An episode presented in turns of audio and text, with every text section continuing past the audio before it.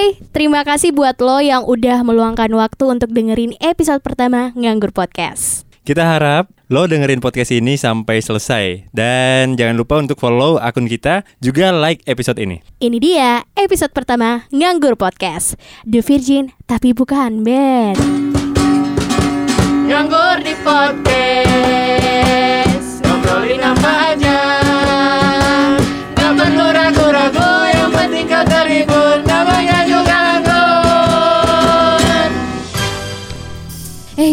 gue tadi lagi scroll Twitter dan ada tweet yang menurut gue sedih banget sih. Sedih kenapa tuh? Karena si cewek ini batal nikah gara-gara dia ketahuan udah nggak virgin sama calon suaminya. Oh gitu? Hmm. Tapi menurut lo Yan, apa sih yang terlintas di benak lo ketika lo dengerin kata selaput darah?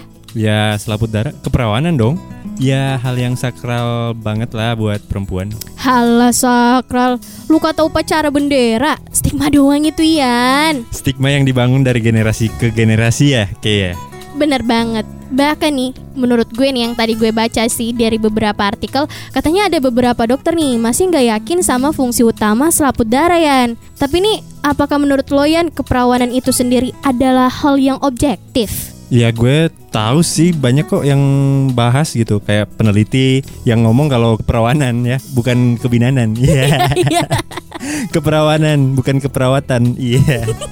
Apa deh? Keperawanan itu adalah konstruksi dalam budaya patriarki patriarkis gitu. Patriarkis sama pak. aja ya patriarki sama Uh-uh. patriarkis ya.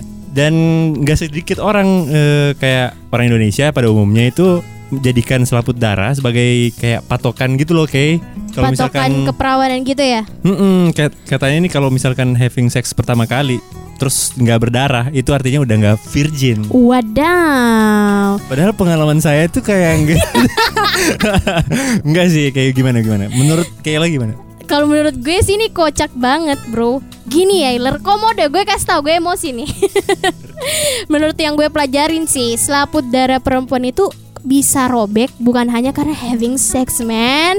Jadi bisa juga karena faktor lain.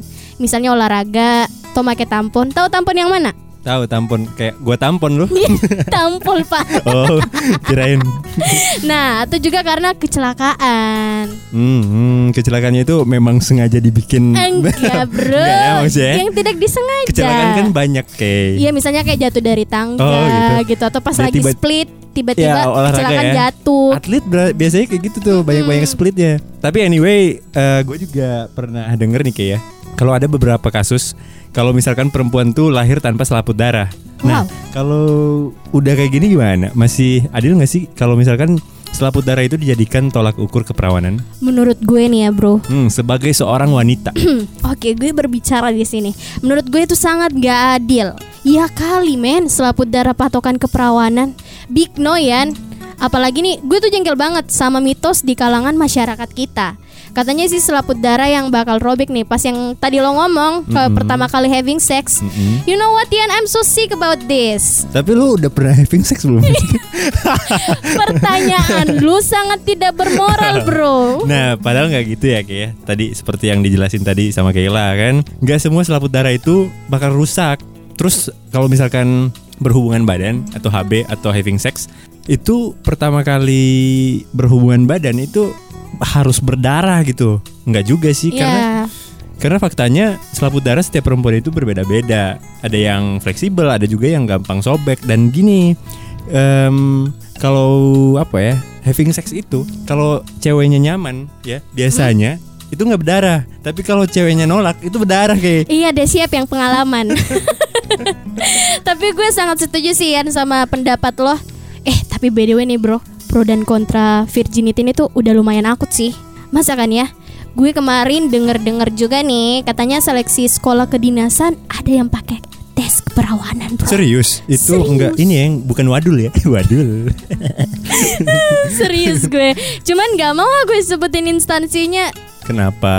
Hmm, iya jangan sebutin instansi Jangan, dong. nanti iya. kita kena SP, Nanti bro. podcastnya jadi bukan nganggur, jadi memang jadi pengangguran aja gitu. Terus yang cowoknya gimana ya kalau kayak gitu? Kan ada tes keperawanan kan berarti khusus buat cewek doang kan? Mm.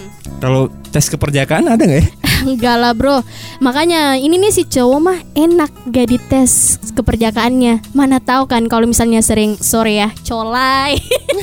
Iya iya iya. Atau udah Yang pernah keperjakaannya hilang sama tangan sendiri. Eh, atau pernah having sex kan? Sorry ya Yan karena lo cowok nih. Tapi menurut gue ini nggak adil banget men. Cowok itu nyaris nggak kena sanksi sosial perkara virginity ini. Siapa yang bilang? Coba? Justru nih ya, Kela ya. nah apa? Di budaya barat atau di Amerika sana di em, apa negara Zimbabwe, Zimbabwe. bukan dong.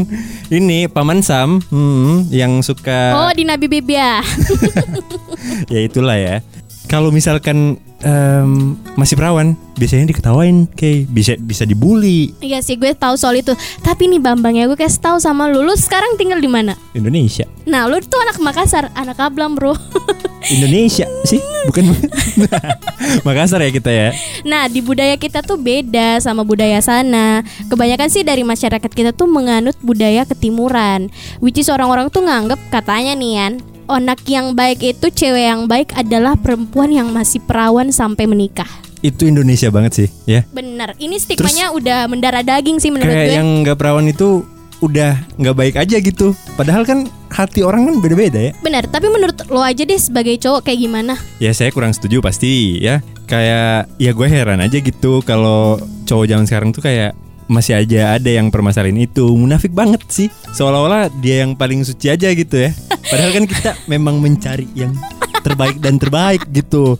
Tapi lo nggak munafik kan Yan? enggak lah orang kayak beli baju dicoba dulu baru yang mana yang paling pas gitu kan. Lebih parah bro.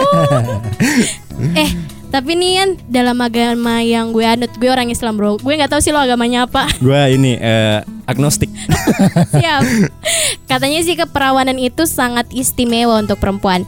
Jadi ini nih yang gue pertanyain gimana ya sama yang udah nggak perawan karena bawaan lahir seperti tadi yang lo bilang kan ada beberapa kasus yang lahir tanpa selaput darah tanpa selaput darah. Nah, ini kayak gue rasanya gini, agama pu, agama yang mana pun mau lu agnostik kayak mau lu Islam, Kristen, ya kita nggak membeda-bedakan itu ya. Itu pasti mengajarkan umatnya untuk memuliakan perempuan. masya Allah ahi Mm-mm, kita yang hanya manusia biasa itu sangat nggak berhak menjudge perkara perkara selaput darah. oh my god. Jadi So bijak banget gue ya.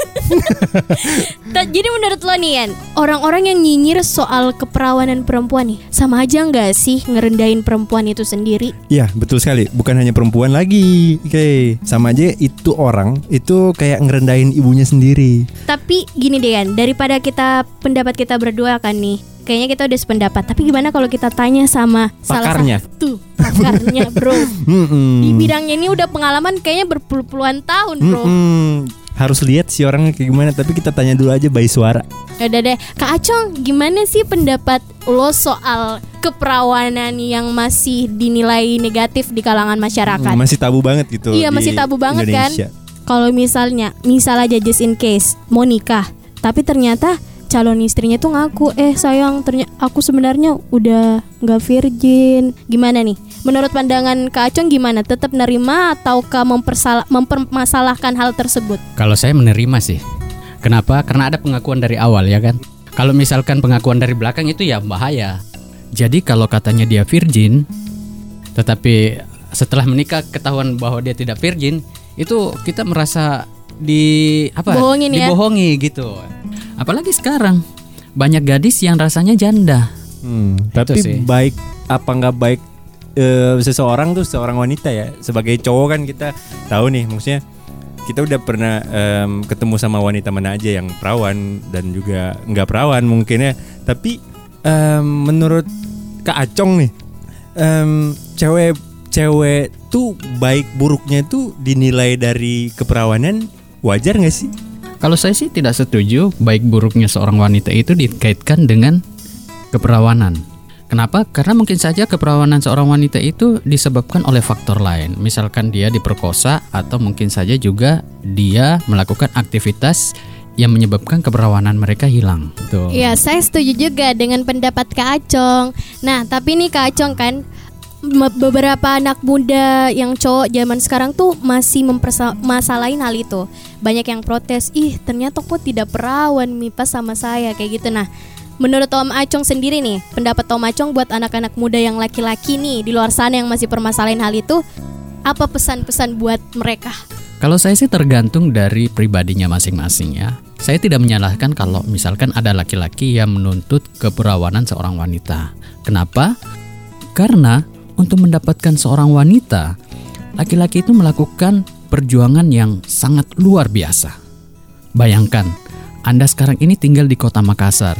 Di situ ada yang namanya uang panai. Mendapatkan uang panai itu tidak semudah membalikan telapak tangan. Artinya, laki-laki itu harus berjuang ekstra keras.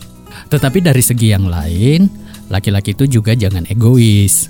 Apalagi zaman sekarang ya, di mana-mana laki-laki itu tancap tiang bendera. Ke utara dia tancap bendera, di selatan tancap bendera, di mana-mana dia tancap bendera. Artinya, dia sendiri yang merusak, tetapi dia tidak mau mendapatkan sesuatu yang rusak. Nah, ini yang namanya egois. Oke siap. Jadi itu tadi pendapat dari Kak Acong ya, pakar yang udah puluhan tahun ya, Bukan pakar. pengalaman ya, pengalaman. kalau bi- biasanya kalau pakar itu tidak pernah mengalami tapi bisa dianalogikan. Iya iya iya siap. Oke, nah Ian, tapi nih menurut gue Ian, buat anak-anak muda di luar sana yang cewek, buat lo yang dengerin ini, gue cuman pengen bilang Ian, lo jangan mau tergoda sama janji-janji manis cowok hanya karena buat dapetin kehormatan lo bro. Iya, saya juga punya pesan sih untuk em, hidup hiduplah sebebas mungkin. Cuman tahu aturan aja gitu. Kalau kita sebagai manusia yang penasaran kan semuanya berawal dari penasaran kan Ki.